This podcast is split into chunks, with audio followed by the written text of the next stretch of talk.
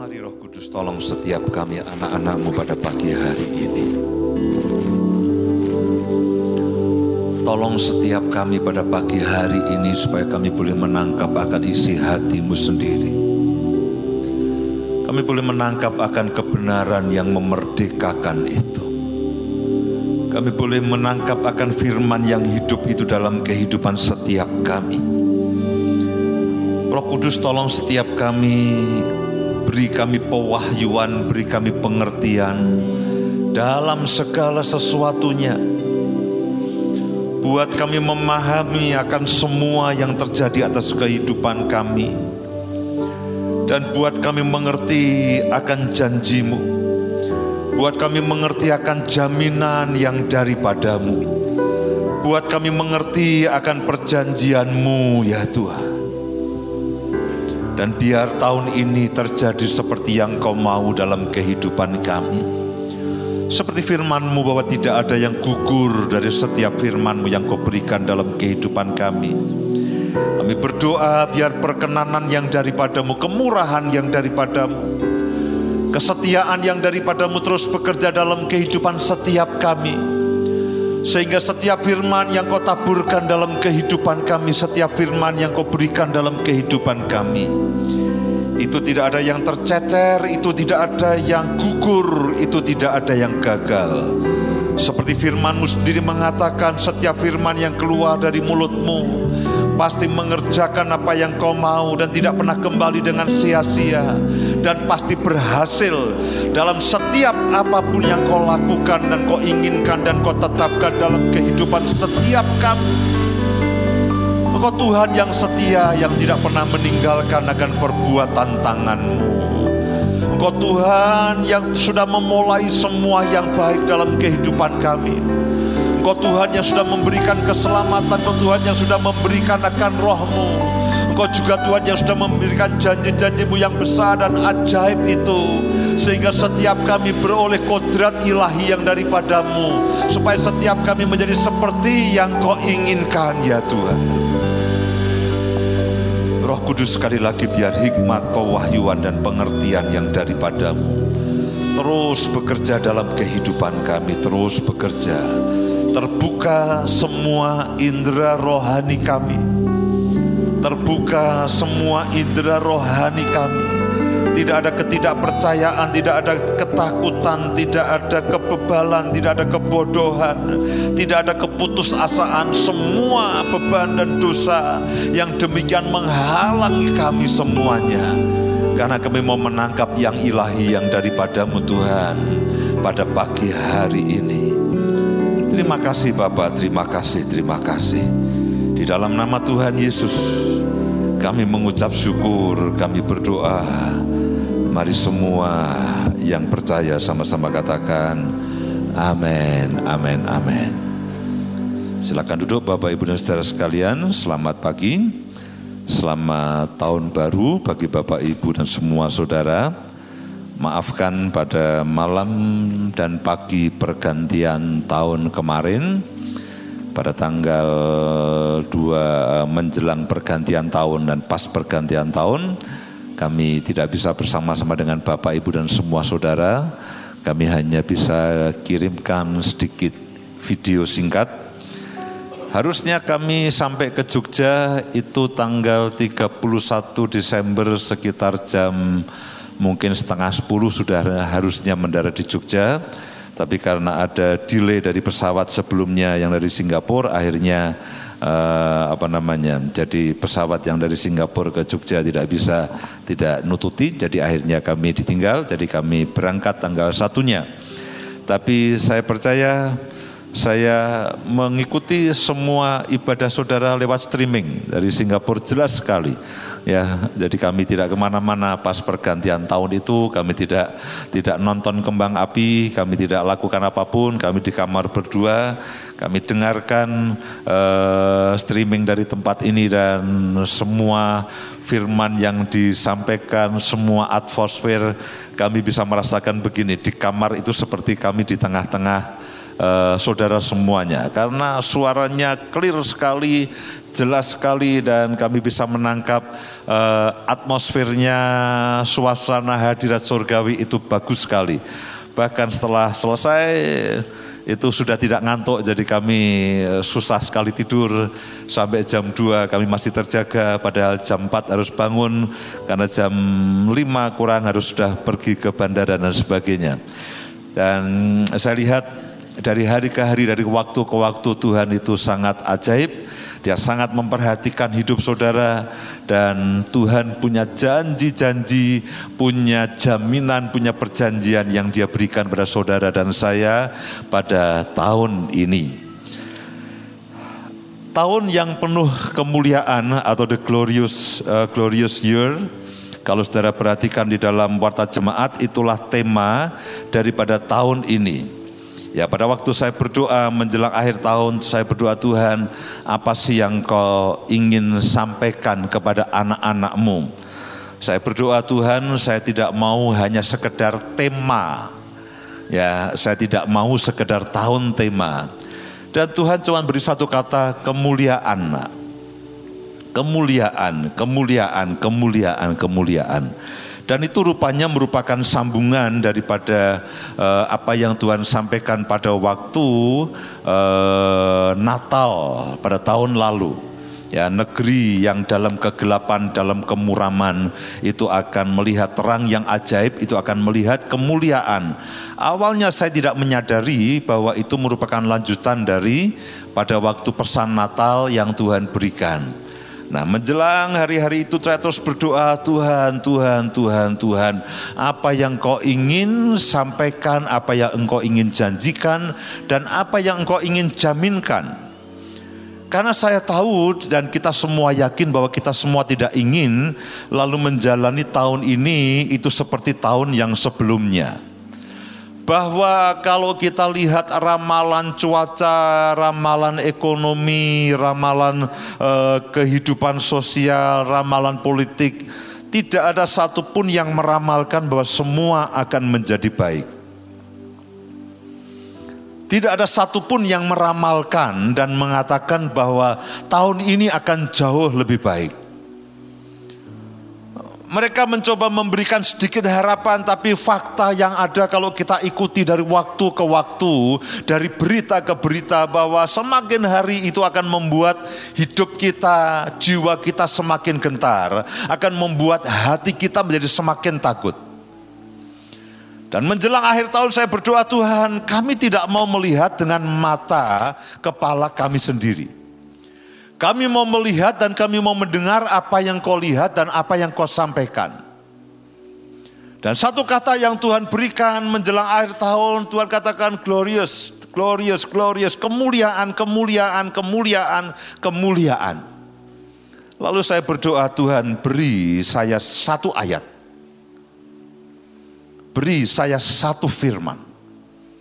Karena sering kali sepatah kata daripada Tuhan itu menjawab dan mengubah semua kehidupan kita.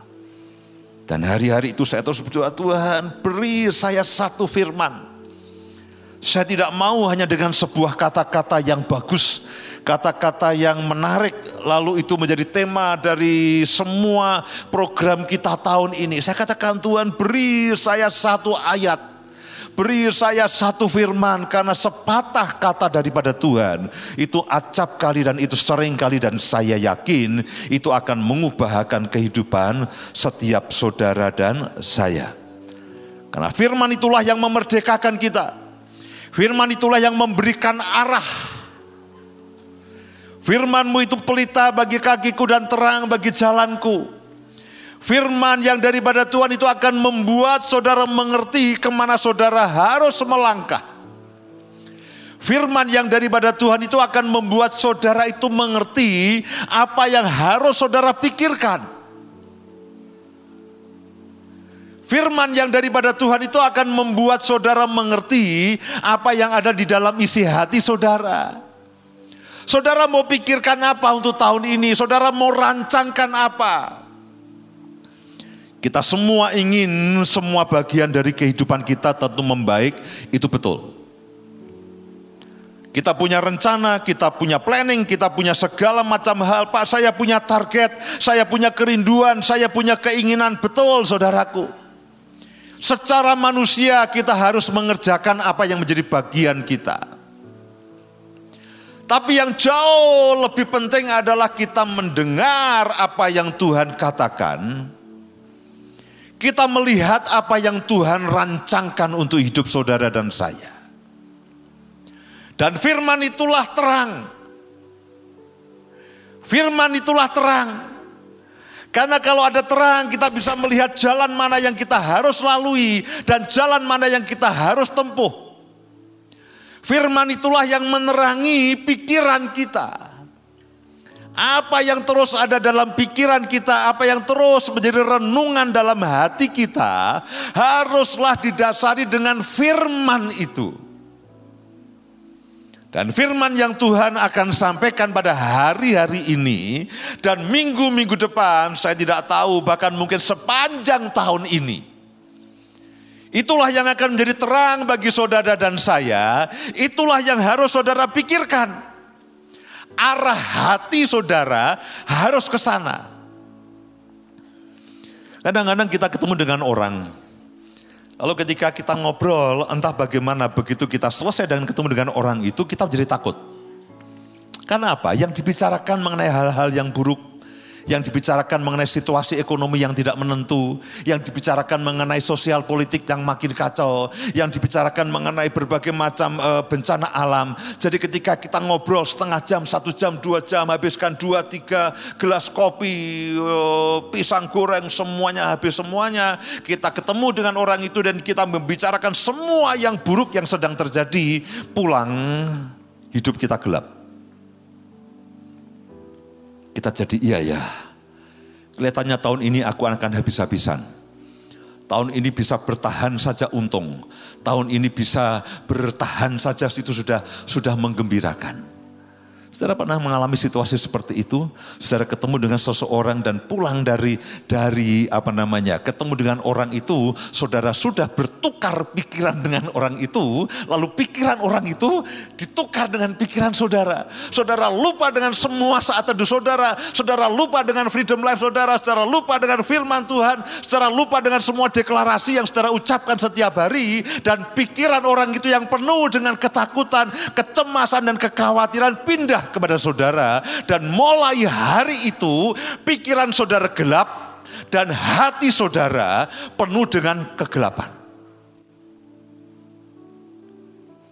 Saudara akan mulai berpikir tahun ini tidak akan jauh lebih baik dibandingkan dengan tahun yang kemarin. Kalau tahun ini saudara punya pikiran, Pak seperti ini, sepertinya tahun ini itu akan sama susahnya dengan tahun lalu. Dan bahkan tahun ini saya sudah siap-siap, saya sudah kencangkan ikat pinggang. Saya sudah mencoba untuk uh, dengan karena didorong oleh kekhawatiran saya coba mengamankan akan kehidupan saya. Bukan karena saudara berhikmat, tapi intinya saudara ketakutan. Karena saudara tidak dengarkan akan firman Tuhan. Saudara dengarkan apa yang orang lain katakan, dan saudara dengarkan dan lihat apa yang dunia coba tunjukkan kepada saudara. Kamu tidak punya alasan untuk percaya, kamu tidak punya alasan untuk berharap, kamu tidak punya alasan untuk bersuka cita, kamu tidak punya alasan untuk berbahagia di dalam Kristus. Yang ada adalah kamu harus cemas, kamu harus khawatirkan semua hal, kamu harus takutkan semua masalah, karena semua akan makin membesar, makin membesar, makin membesar.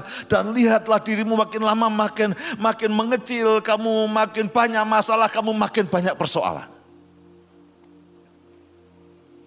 Saya berharap firman yang saudara akan dengar pada pagi hari ini, itu akan membuat jalan hidup saudara itu terang kembali dan saudara tahu ke mana arah yang saudara pikirkan dan apa yang ada di dalam hati saudara.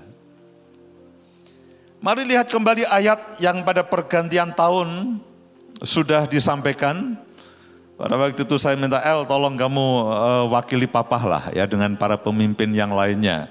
Lalu ayatnya apa-apa ya saya lalu berikan beberapa ayat kepada dia. Kamu sampaikanlah.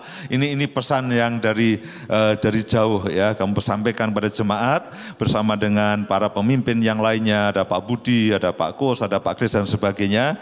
Nah Hagai pasal yang kedua ayat yang ke-9. Hagai pasal yang kedua ayat yang ke-9. Inilah ayat yang muncul ketika pada akhir-akhir tahun saya berdoa. Ketika Tuhan katakan satu kata kemuliaan. Saya katakan Tuhan beri saya satu firman. Beri saya satu ayat yang akan menolong kami, menerangi akan jalan kami dan kami tahu ke mana harus melangkah dan kami tahu apa yang harus kami lakukan dan kami tahu apa yang akan terjadi dalam kehidupan kami. Saya dan saudara perlu tahu apa yang Tuhan janjikan dan apa yang Tuhan jaminkan dalam kehidupan kami. Mari saya ajak semua saudara membaca bersama-sama Hagai pasal yang kedua ayat yang ke sembilan ini. Satu, dua, tiga. Adapun rumah ini kemegahannya yang kemudian akan melebihi kemegahannya yang semula. Firman Tuhan semesta alam dan di tempat ini aku Tuhan akan memberi damai sejahtera. Demikianlah firman Tuhan semesta alam. Kalau saudara baca dalam berbagai terjemahan, kata kemegahan itu sama dengan kata kemuliaan. Dan Tuhan semesta alam, tadi ketika saya ngobrol dengan EL, rupanya Pak Kus sudah sampaikan, Tuhan semesta alam itu adalah Tuhan atas bala tentara malaikat. Dan dijanjikan begini, adapun rumah ini, kemegahannya yang kemudian akan melebihi kemegahannya yang semula. Adapun rumah ini kemuliaannya yang kemudian akan melebihi kemuliaannya yang semula. Nah, saya ingin berikan sedikit penjelasan mengenai latar belakang daripada ayat ini supaya Bapak, Ibu dan Saudara mengerti dengan jelas apa yang dimaksudkan. Nah, begini Saudaraku. Saudara tahu kan bahwa ada masa demikian bangsa Israel itu karena dosanya sudah mentok sudah melebihi titik keadilan Tuhan sehingga orang Israel itu lalu dibuang ke Babel selama berapa puluh tahun? Selama berapa puluh tahun? 70 ta? 70 tahun. Nah pada waktu itu lalu bangsa Babel itu menyerang akan Israel, menyerang akan Yerusalem, dan tembok-tembok dihancurkan dan bait suci tempat penyembahan orang Israel kepada Tuhan itu juga diratakan dengan tanah.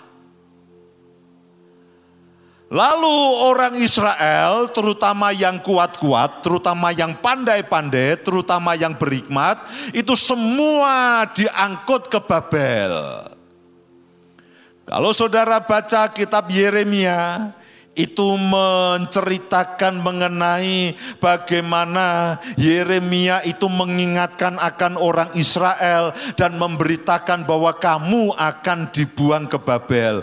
Itu isi kitab Yeremia. Lalu ada kitab Ratapan itu ditulis oleh Yeremia. Yeremia juga disebut sebagai nabi peratap, nabi yang meratap, meratapi Yerusalem, meratapi Israel. Kenapa? Karena pada waktu itu tembok Yerusalem merata dengan tanah, bait suci rata dengan tanah dan orang-orang yang terbaik ditawan ke Babel. Dan Yeremia menubuatkan nanti setelah 70 tahun kamu akan kembali Jadi kitab Yeremia itu kitab yang mengingatkan orang Israel dan mengawal orang Israel dan memberitakan mengenai pembuangan orang Israel ke Babel. Lalu kitab ratapan itu seperti kitab tangisan Yeremia, tangisan Tuhan sendiri. Kenapa orang Israel saking berdosanya mereka, saking jahatnya mereka, saking tenggelamnya mereka dalam penyembahan berhala, mereka harus dibuang di Babel. Tapi Tuhan Tuhan katakan satu waktu aku akan bawa engkau kembali ke Yerusalem, membangun kembali Yerusalem, membangun kembali akan bait Tuhan itu. Sampai di sini saudara mulai tahu ceritanya ya. Kemudian ada kitab Nehemia, ada kitab Esra. Nah, Nehemia dan Esra ini adalah eh, Nehemia ini dia pejabat satu kali dia apa namanya? Apa dia bermuram, dia dia dia susah. Lalu raja bertanya, "Kenapa kamu murah raja yang ada di Babel di Persia?" Bagaimana tuanku ini negaraku porak-poranda dan sebagainya. Lalu akhirnya itulah masa-masa orang Israel kembali. Raja katakan, oke okay, kamu boleh kembali dan bangun kembali itu tembok Yerusalem dan bangun kembali itu semuanya. Nehemia itu mulai membangun kembali tembok Yerusalem. Lalu Esra, Esra, Esra itu adalah seorang ahli Taurat. Ya, bukan ahli Taurat yang jahat tapi ahli Taurat yang baik. Jadi Nehemia dan Esra, Esra itu lalu datang kembali, lalu mengajari kembali orang Israel bagaimana caranya beribadah kepada Tuhan. Lalu hari-hari itu, bait Allah itu kembali dibangun. Bait Allah itu kembali dibangun. Itu hari-hari pada zaman Esra, pada zaman Nehemia, tembok Yerusalem dan bait Allah itu kembali dibangun. Tetapi karena pertentangan, karena masalah, karena persoalan, karena ketakutan, karena kecemasan, karena kekhawatiran, dan dari orang-orang yang tidak suka dengan orang Israel, mereka terus menentang, mereka terus mengompori, sehingga pada tahun yang kedua itu pembangunan bait Allah, pembangunan bait suci atau kenisah itu itu terhenti Coba lihat di dalam kitab Esra pasal yang keempat ayat yang ke-24.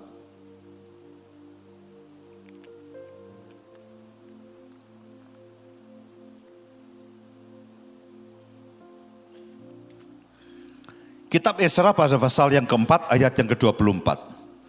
Pada waktu itu terhentilah pekerjaan membangun rumah Allah yang di Yerusalem. Dan tetap terhenti sampai tahun yang kedua zaman pemerintahan Darius, raja negeri Persia. Mereka baru setahun membangun lalu terhenti.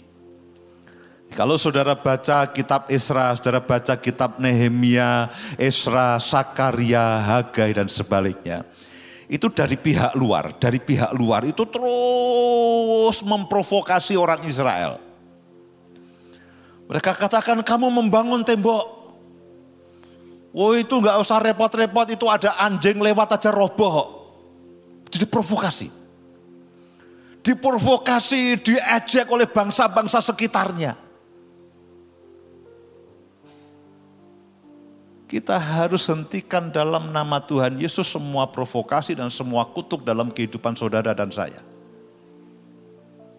Saya mau hentikan dalam nama Tuhan Yesus setiap provokasi yang mengatakan gereja seperti apakah, gereja akan melakukan apakah, lihat gereja ini akan berkembang atau tidak, lihat gereja ini akan akan membaik atau tidak. Saya mau katakan berhenti dalam nama Tuhan Yesus kita tidak akan izinkan provokasi apa pun untuk menyerang dan menjadi pijakan. Karena kalau ada provokasi atas hidup saudara, Orang itu mengatakan, nah, lihat itu keluargamu, lihat itu gerejamu, lihat itu hidupmu, lihat itu ekonomimu, lihat itu keuanganmu. Lalu saudara terima provokasi itu. Itu akan menjadi pijakan bagi kuasa iblis, bagi kuasa si jahat untuk ngendon di situ. Tadi pagi ketika istri saya bangun, dia katakan, Pah, aku mimpi buruk. Ada provokasi lagi nih. Eh, begitu bangun, langsung dia duduk di tempat yang dia bisa berdoa. Saya dengar dia bahasa roh, dia patahkan semuanya. Karena itu memberi pijakan bagi roh jahat yang akan merusak hidup saudara, yang akan memiskinkan saudara, yang akan menyengsarakan saudara. Karena itu saya mau tolak dalam nama Tuhan Yesus semua perkataan buruk tentang hidup saudara, semua perkataan yang merugikan tentang bisnis saudara, tentang keluarga saudara, tentang masa depan saudara, tentang gereja ini. Dalam nama Tuhan Yesus saya mau katakan menyingkir. Tidak boleh. Karena itu orang-orang sekitar di Yerusalem itu mereka memprovokasi. Loh Nehemia sedang membangun tembok, dia katakan ah, itu anjing hutan lewat, nyenggol ekornya, nyenggol tembokmu, tembokmu roboh.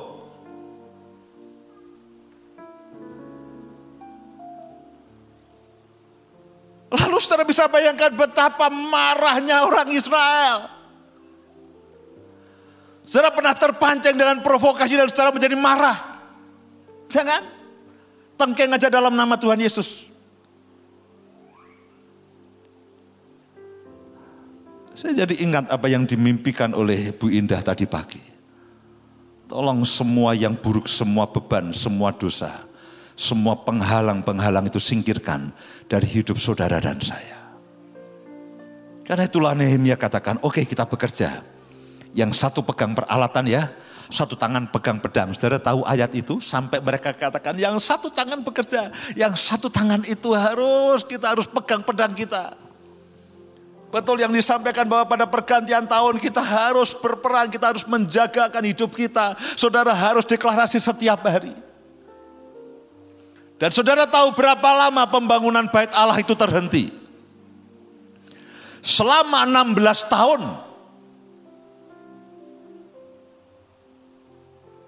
Selama 16 tahun. Sejak Esra pasal yang keempat ayat yang ke-24. Itu mengatakan terhentilah pekerjaan membangun rumah Allah itu. Dan pembangunan itu berhenti selama 16 tahun. Saya berharap kehidupan saudara tidak berhenti dan tidak merosot selama 16 tahun. Saya berharap kehidupan saudara tidak berhenti Pertumbuhan rohani saudara tidak berhenti. Pertumbuhan semua bagian dari hidup saudara tidak berhenti. Pertumbuhan hubungan suami istri keluarga saudara tidak berhenti dan lalu memburuk selama 16 tahun. Oke, tidak peduli berapa lamanya. Hidup saudara sudah memburuk. Pak, saya dua bulan terakhir, saya dua tahun terakhir, saya tiga tahun terakhir. Oke, tidak masalah berapa lama itu menjadi lebih buruk. Yang penting adalah pada hari ini. Tahun ini Tuhan katakan aku akan memberikan kemegahan dan aku akan memberikan kemuliaan lebih baik dibandingkan dengan waktu-waktu sebelumnya. Nah Nabi Hagai dan Nabi Sakaria kalau saudara baca di dalam Esra pasal yang kelima ayat yang ke satu, Esra pasal yang kelima ayat pasal yang kelima ayat yang pertama. Tetapi Nabi Hagai dan Sakaria bin Ido, kedua nabi itu bernubuat terhadap orang Yahudi yang tinggal di Yehuda dan di Yerusalem dalam nama Allah Israel yang menyertai mereka. Lalu Esra pasal yang ke-6 ayat yang ke-14. para tua-tua orang Yahudi melanjutkan pembangunan itu dengan lancar. Digerakkan oleh nubuat Nabi Hagai dan Nabi Sakaria bin Ido. Mereka menyelesaikan pembangunan menurut perintah Allah Israel dan menurut perintah Kores, Darius dan Artasasta, raja-raja negeri Persia. Dua nabi yaitu Nabi Hagai dan Nabi Sakaria itu terus bernubuat itu terus menyampaikan firman-Nya, itu terus menguatkan hati orang Israel sehingga mereka mulai mengerjakan pembangunan kembali bait Allah itu yang sudah berhenti selama 16 tahun. Saudaraku kenapa saya ajak saudara untuk setiap pagi saudara bernubuat, saudara mendeklarasikan akan firman Tuhan untuk hidup saudara. Minggu depan saya akan perbaharui lagi semua apa yang harus saudara ucapkan. Saya akan berikan ayat-ayat tambahan. Saudara harus bernubuat atas diri saudara sendiri. Dengan cara bagaimana? Ucapkan firman. Deklarasikan firman. Setiap hari saudara membaca Alkitab, saya minta Freedom Life ini disederhanakan. Jadi kalau pada tahun kemarin kita membaca perjanjian lama itu sekali, lalu perjanjian baru itu beberapa kali. Kali ini semua Alkitab hanya kita baca setahun sekali saja. Itu artinya setiap harinya saudara akan membaca lebih sedikit ayat dan lebih sedikit pasal. Bersukacitalah. Wah puji Tuhan Mbak. Bapak betul-betul uh, arif dan bijaksana tidak menambah beban kehidupan saya. Dulu empat lima pasal, sekarang dua pasal. Hari ini dua pasal dan dua belas a ayat. Melegakan sekali Pak. Saya bisa lebih lama minum kopi, saya bisa makan pisang goreng lebih banyak. Tujuan saya ini saudaraku. Ketika saya berdoa, teman-teman tanya, Pak ini freedom life-nya mau dibuat seperti apa. Sejenak saya berdoa, roh kudus mau model apa. Dan Tuhan katakan, buat sekali cukup. Supaya saudara dan saya punya waktu lebih banyak. Membaca dengan tenang, tidak terburu-buru. Saudara baca dengan tenang, nikmati kata demi kata, kalimat demi kalimat, ayat demi ayat, pasal demi pasal. Dan sementara saudara membaca ayat-ayat itu berdoa, Tuhan roh kudus beri aku pengertian, beri aku pewahyuan, dan buat aku mengalami. Karena Alkitab mengatakan berbahagialah orang yang mendengar dan melakukannya, mengerjakannya, mengalaminya. Bukan hanya mendengar lalu berlalu begitu saja. Jadi bukan berarti, waduh enak ini ayatnya lebih sedikit, ini tidak merepotkan saya, rindu. Tuhan rindu saudara merenungkan lebih lama. Dan nanti akan ada ayat-ayat rema tambahan mengenai gereja. Saya kaget ketika saya baca Freedom Life, baru pagi ini saya baca Freedom Life ini. Karena minggu lalu saya tidak dapatkan itu. Ternyata di terakhirnya ada ada titik-titik. Dan minggu depan akan ada isinya, ada tambahan ayatnya, tidak banyak. Ya, empat atau lima ayat, ayat rema mengenai gereja. Dikatakan Nabi Hagai dan Nabi Sakaria itu bernubuat atas orang Israel, bernubuat atas tua-tua Israel. Mereka menguatkan pembangunan rumah Tuhan.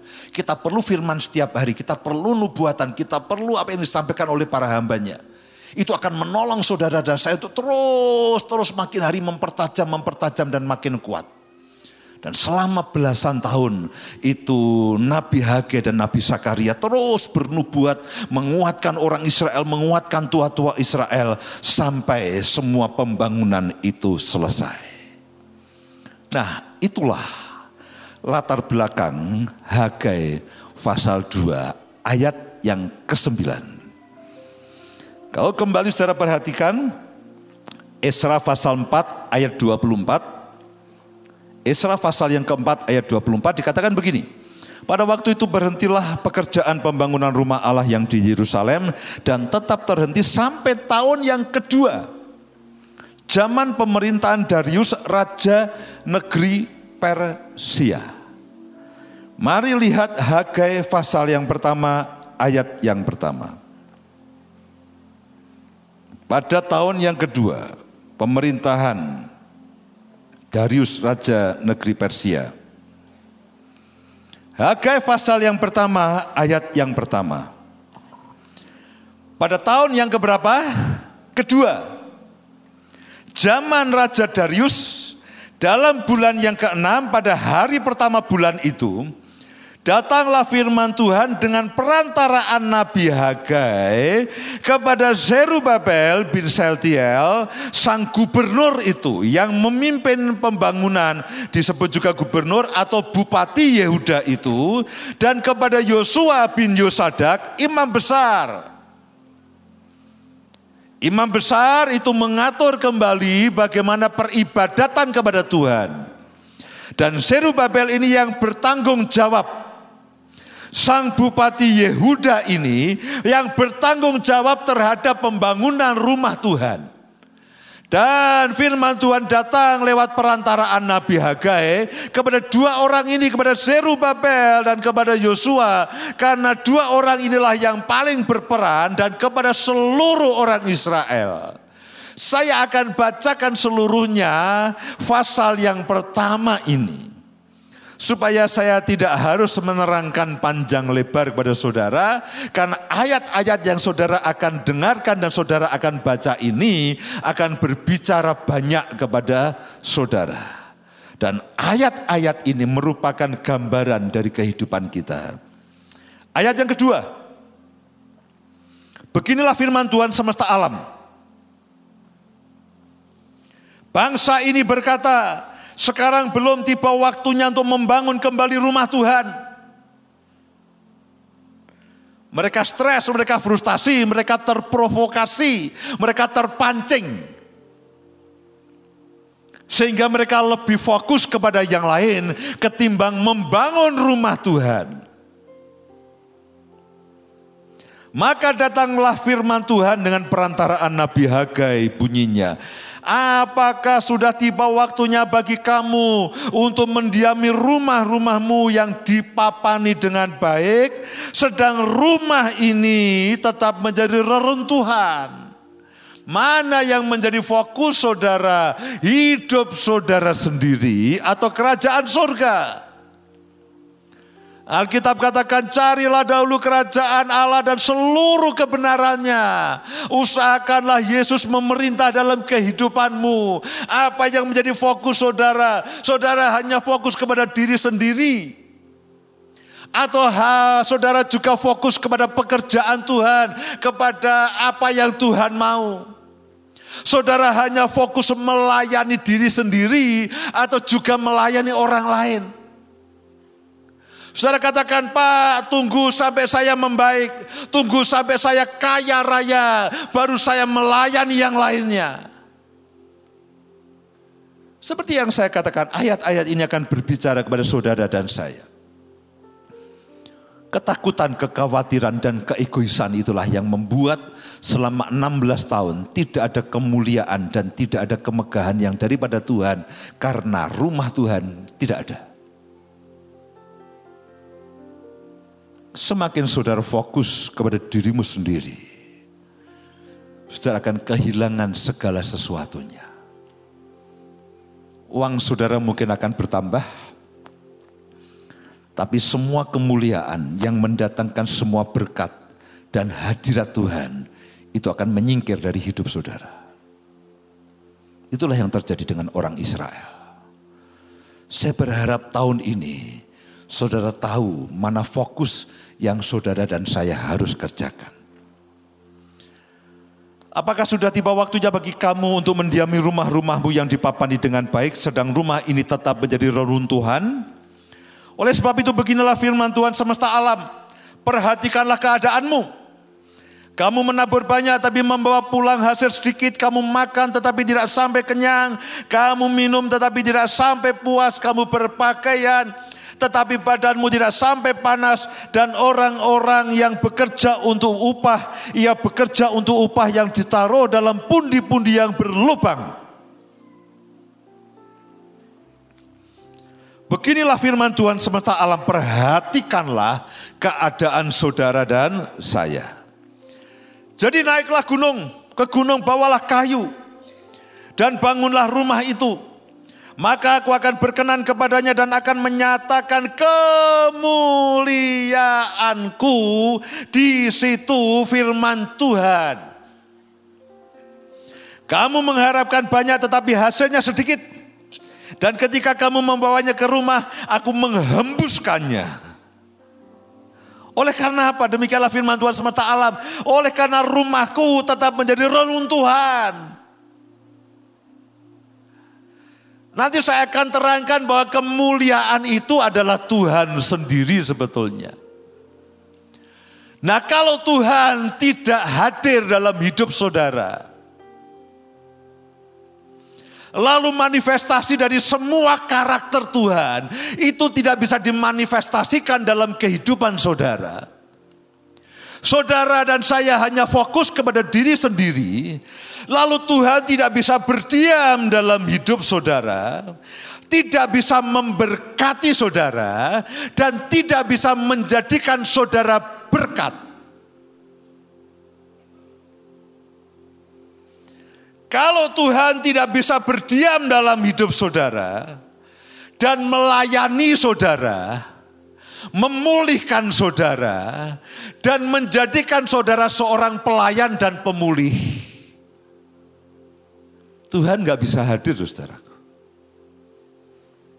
Saudara mau gini, Pak, saya hanya mau berkat. Saya hanya mau pemulihan. Saya hanya mau dilayani. Maafkan saya. Tuhan tidak bisa sepenuhnya ada di situ. Tidak bisa. Pak saya hanya mau berkat. Saya hanya mau dilayani. Saya hanya mau terima. Lalu saudara berharap Tuhan ada di situ. Tidak bisa.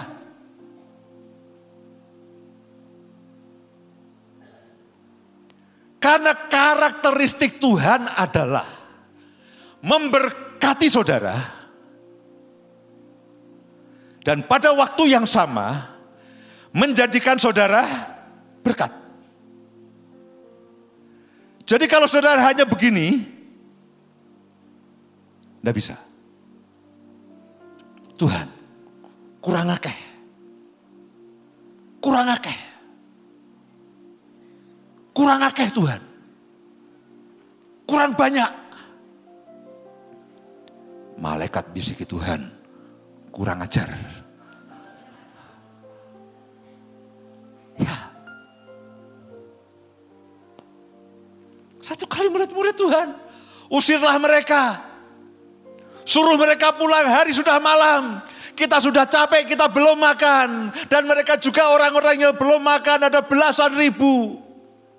Suruh mereka pulang. Cari makan sendiri-sendiri. Saudara tahu apa komentar Tuhan Yesus? Kamu harus memberi apa? Mereka makan. Kami tidak punya banyak. Kami tidak punya apa-apa bahkan hanya ini ada anak kecil yang punya lima roti dan dua ikan. Bawa ke sini. Hari itu dari mereka tidak punya apa-apa. Mereka punya 12 keranjang penuh roti dan ikan. Hari itu mereka belajar satu hal. Di mana ada Yesus selalu ada berkat. Di mana ada Yesus, selalu ada pemulihan. Di mana ada Yesus selalu ada pelayanan. Tapi di mana ada Yesus, di situ juga tangan saudara akan terulur kepada orang lain. Saudara akan melayani orang lain, saudara akan memulihkan orang lain. Itulah tempat yang paling nyaman Tuhan itu berdiam. maafkan saya. Ayat ini dengan keras mengatakan, kamu lebih fokus kepada dirimu sendiri. Kamu hanya mempapani rumahmu sendiri. Sedangkan rumah Allah engkau biarkan terbengkelai. Jadi naiklah ke gunung, bawalah kayu dan bangunlah rumah itu maka aku akan berkenan kepadanya dan menyatakan kemuliaanku di situ firman Tuhan. Kamu mengharapkan banyak tetapi hasilnya sedikit. Dan ketika kamu membawanya ke rumahku menghembuskannya oleh karena apa? Demikianlah firman Tuhan semesta alam. Oleh karena rumah kuta yang tetap menjadi reruntuhan. Sedang kamu masing-masing sibuk dengan urusan rumahnya sendiri. Itulah sebabnya langit menahan embunnya dan bumi menahan hasilnya. Dan aku memanggil kekeringan datang ke atas negeri, ke atas gunung-gunung, ke atas gandum, ke atas anggur, ke atas minyak, ke atas segala yang dihasilkan tanah, ke atas manusia dan hewan, dan ke atas segala hasil usahamu. Lalu Zerubabel bin Seltiel dan Yosua bin Yosadak imam besar dan selebihnya dari bangsa itu mendengarkan suara Tuhan Allah mereka dan juga perkataan Nabi Hagai sesuai dengan apa yang disuruhkan kepadanya oleh Tuhan Allah mereka. Lalu takutlah bangsa itu kepada Tuhan. Maka berkatalah Hagai utusan Tuhan itu menurut pesan Tuhan kepada bangsa itu demikian. Aku ini menyertai kamu demikianlah firman Tuhan. Tuhan meng menggerakkan semangat Zerubabel bin Seltiel, Bupati Yehuda, dan semangat Yosua bin Yosadak, imam besar, dan semangat selebihnya dari bangsa itu. Maka datanglah mereka lalu melakukan pekerjaan pembangunan rumah Tuhan semesta alam Allah mereka pada hari yang ke-24 dalam bulan yang ke-6 pada tahun yang kedua zaman Raja Darius. Dalam bulan yang ke-7 pada tanggal 21 bulan itu datanglah firman Tuhan dengan perantaraan Nabi Hage bunyinya. Katakanlah kepada Zerubabel bin Seltier Bupati Yehuda dan kepada Yosua bin Yosadak, imam besar dan kepada selebihnya dari bangsa itu demikian. Masih adakah di antara kamu yang melihat rumah ini dalam kemegahannya semula dan bagaimana kamu lihat keadaannya sekarang? Bukankah keadaannya di matamu seperti tidak ada artinya? Pada waktu itu orang Israel melihat Tuhan, melihat hidup mereka dan melihat pekerjaan Tuhan itu tidak ada artinya. Mereka pandang enteng, mereka pandang remeh. Karena itulah hidup mereka bocor. Habis. Ayat berikutnya. Tetapi sekarang kuatkanlah hatimu hai Zerubabel Demikianlah firman Tuhan, kuatkanlah hatimu hai Yosua bin Yosadak imam besar. Kuatkanlah hatimu hai segala rakyat negeri, demikianlah firman Tuhan, bekerjalah. Sebab aku ini menyertai kamu, demikianlah firman Tuhan semesta alam. Sesuai dengan janji yang telah kuikat dengan kamu pada waktu kamu keluar dari Mesir. Dan rohku tetap tinggal di tengah-tengahmu, janganlah takut. Sebab sebeginilah firman Tuhan semesta alam. Sedikit waktu lagi maka aku akan mengguncangkan langit dan bumi, laut dan darat. Aku akan mengguncangkan segala bangsa sehingga barang yang indah-indah kepunyaan segala bangsa datang mengalir maka aku akan memenuhi rumah ini dengan kemegahan firman Tuhan semesta alam. Kepunyaanku lah perak dan kepunyaanku lah emas. Demikianlah firman Tuhan semesta alam. Adapun rumah ini, kemegahannya yang kemudian yang sedang dibangun itu akan melebihi kemegahannya yang semula. Firman Tuhan semesta alam dan di tempat ini aku akan memberi damai sejahtera Demikianlah firman Tuhan semesta alam. Kalau saudara baca ayat-ayat berikutnya Tuhan katakan mulai hari ini aku akan memberkati kamu. Beberapa poin lalu Bu Indah akan sampaikan apa yang akan mengalir dalam kehidupan kita selama tahun ini.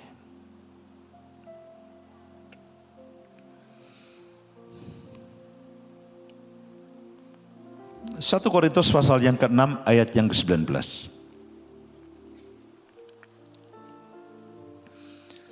Saudaraku, rumah Allah yang pertama adalah diri saudara sendiri.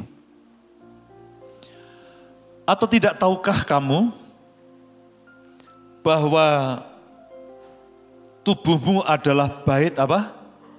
Roh Kudus. Yang diam di dalam kamu, Roh Kudus yang kamu peroleh dari Allah, dan bahwa kamu bukan milik kamu sendiri. Saudaraku yang pertama, rumah Allah itu, minggu-minggu berikutnya saya akan bicara mengenai gereja Tuhan. Rumah Allah secara korporat sama pentingnya dengan rumah Allah secara pribadi.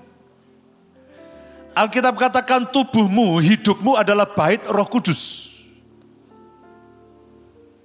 Itu artinya yang pertama saudara harus bangun adalah kehidupan rohani saudara terlebih dahulu. Karena itulah setiap kali saya katakan baca firman setiap hari. Baca firman setiap hari. Ambil waktu saat teduh. Ambil waktu berdoa. Ambil waktu untuk menyembah. Kenapa? Supaya Tuhan bisa ada di situ. Saudara mengatakan, Pak saya tidak cukup punya waktu. Waktu saya tidak banyak, urusan banyak. Sama seperti yang dikatakan Hagai kepada orang-orang Israel. Kamu berkata, rumah kami belum selesai. Lebih baik kami membereskan rumah kami sendiri. Dan kamu membiarkan rumah Allah terbengkelai. Tidak punyakah saudara dan saya setengah jam saja? Atau Yesus pernah katakan satu jam saja. Tidak sanggupkah kamu berdoa bersama dengan aku? Tidak sanggupkah dan tidak punyakah saudara waktu untuk bersama dengan Tuhan barang satu jam saja?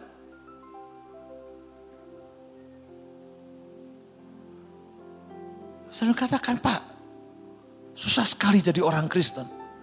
Bukan saudara.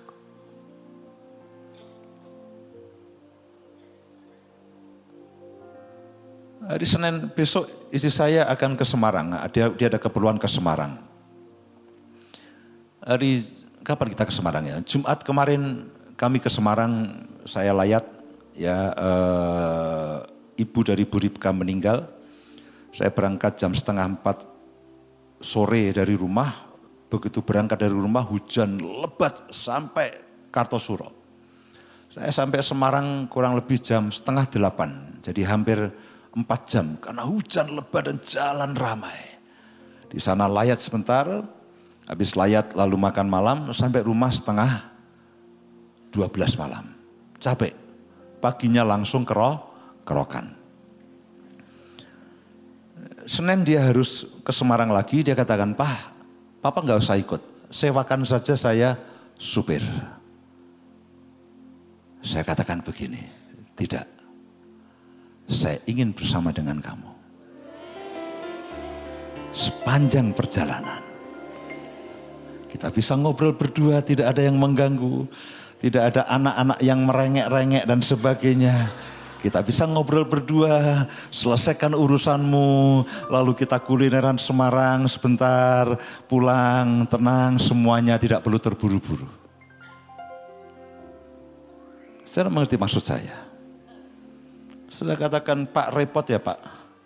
Ini gereja nyuruh saya baca Alkitab, gereja nyuruh saya berdoa, gereja nyuruh saya menyembah Tuhan. Saya tidak menyuruh saudara. Itu kerinduan Tuhan untuk bersama dengan saudara. Saudara bersekutu dengan Tuhan lewat pembacaan firman ayat demi ayat. Setiap kali saudara membaca ayat itu, saudara bisa bayangkan roh kudus di samping saudara, mengajari saudara. Saudara menyembah Tuhan, saudara berdoa, roh kudus ada di situ, Tuhan ada di situ. Dan paling tidak satu jam saudara tidak terganggu oleh apa pun. Dan Tuhan berdiam dengan nyaman di situ. Dan Tuhan katakan kemuliaanku akan aku berikan melebihi kemuliaan yang sebelumnya. Itu akan menjadi waktu satu jam yang sangat berarti dalam kehidupan saudara dan saya. Itu akan menjadi satu jam yang mengubahkan akan hidup saudara dan saya. Kemuliaannya yang kemudian kemuliaan besok pagi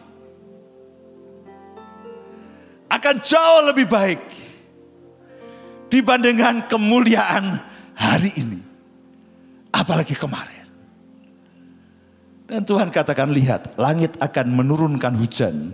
Ya musim ini musim hujan. Dan tanah akan mengeluarkan hasilnya. Silakan beda.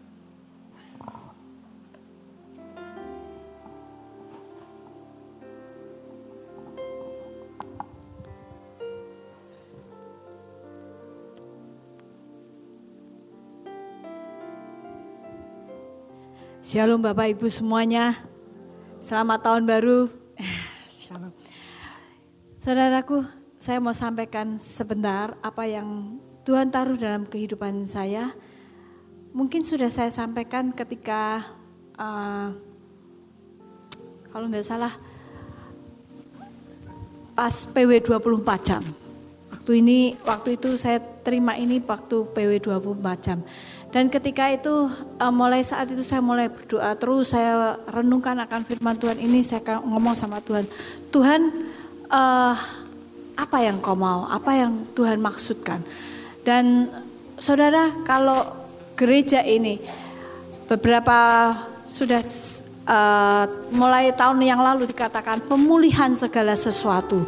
Saudara ketika firman Tuhan ini disampaikan Tuhan itu berbicara nak tahun ini akan terjadi pemulihan segala sesuatu. Amin. Pemulihan segala sesuatu adalah kejadian di mana Tuhan memulihkan pada waktu seperti sebelum ada dosa. Dan Tuhan berikan ayat itu di kejadian 2 ayat 11 sampai dengan ayat yang ke-14. Ini tentang kejadian di Eden saudara.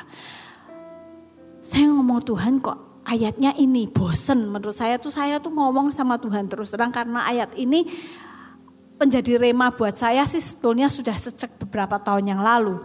Saya ngomong bosen Tuhan, tapi Tuhan ngomong perhatikan nak. Empat sungai itu mengalir di Eden. Dan Eden berbicara pada permulaannya. Pada permulaannya. Tuhan ngomong, nak gereja ini aku mau kembalikan pada permulaannya. Amin. Seperti kejadian sebelum ada dosa. Seperti kejadian ketika Tuhan menciptakan langit dan bumi. Menciptakan dunia ini. Amin. Kita mau kita memasuki tahun 2020. Tahunnya cantik saudara 2020 dengan kejadian yang ajaib dan dahsyat. Amin. Mulai ayat 10 ada suatu sungai mengalir dari Eden untuk membasahi taman itu. Biarlah Eden berbicara tentang hati kita, berbicara tentang kehidupan kita. Amin. Dan dari situ sungai itu terbagi menjadi empat cabang.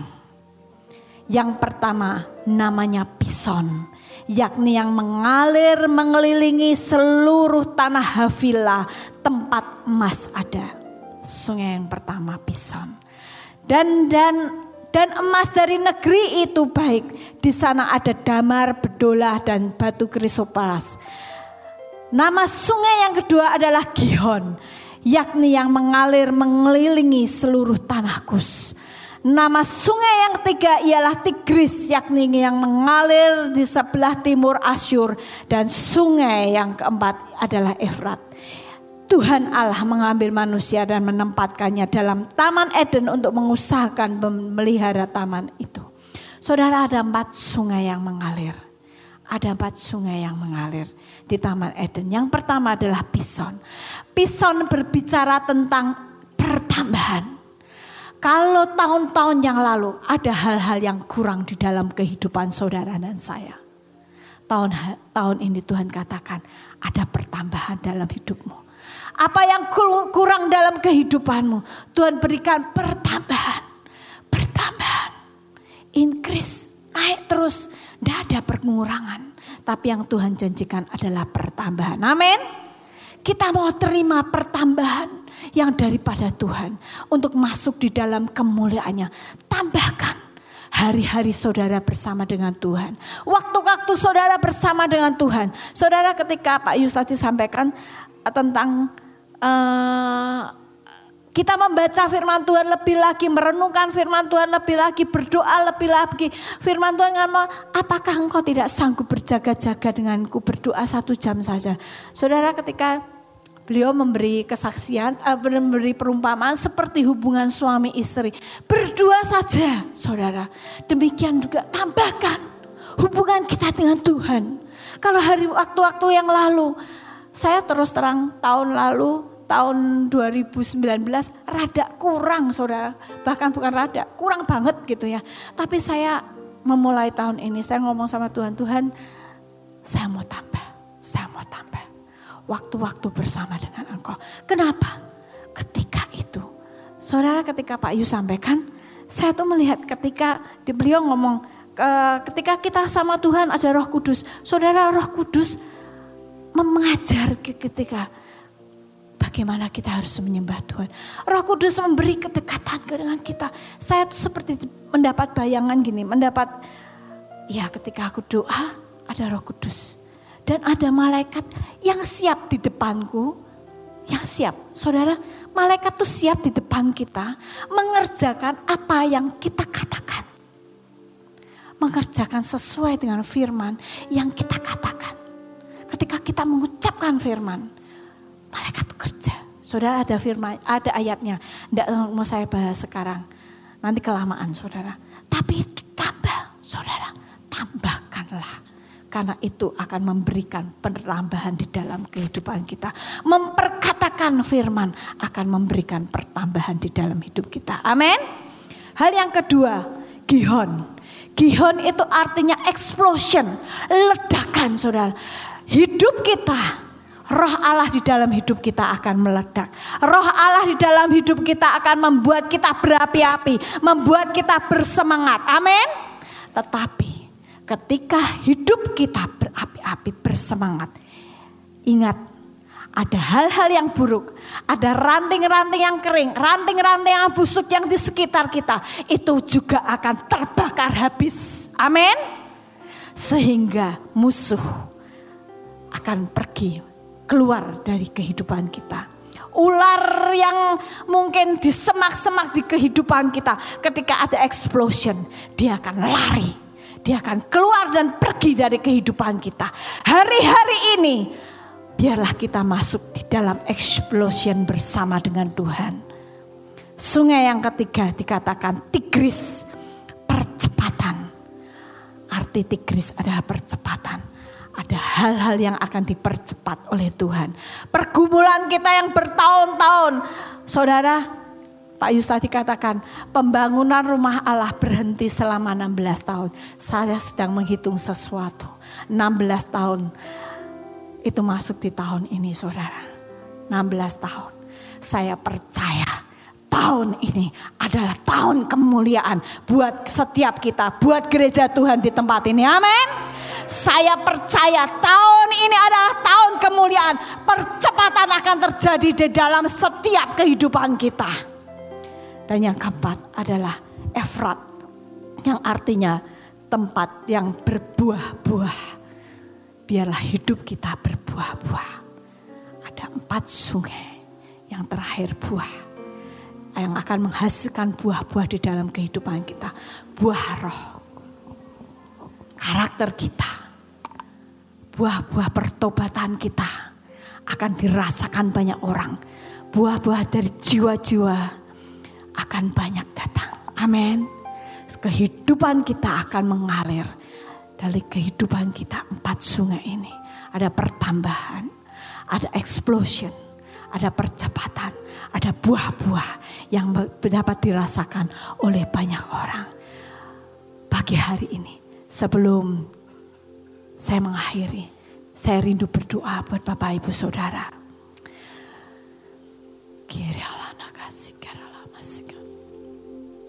Saudara, Tuhan katakan kalau ada hari-hari ini engkau yang merasakan kehidupanmu yang sepertinya berhenti.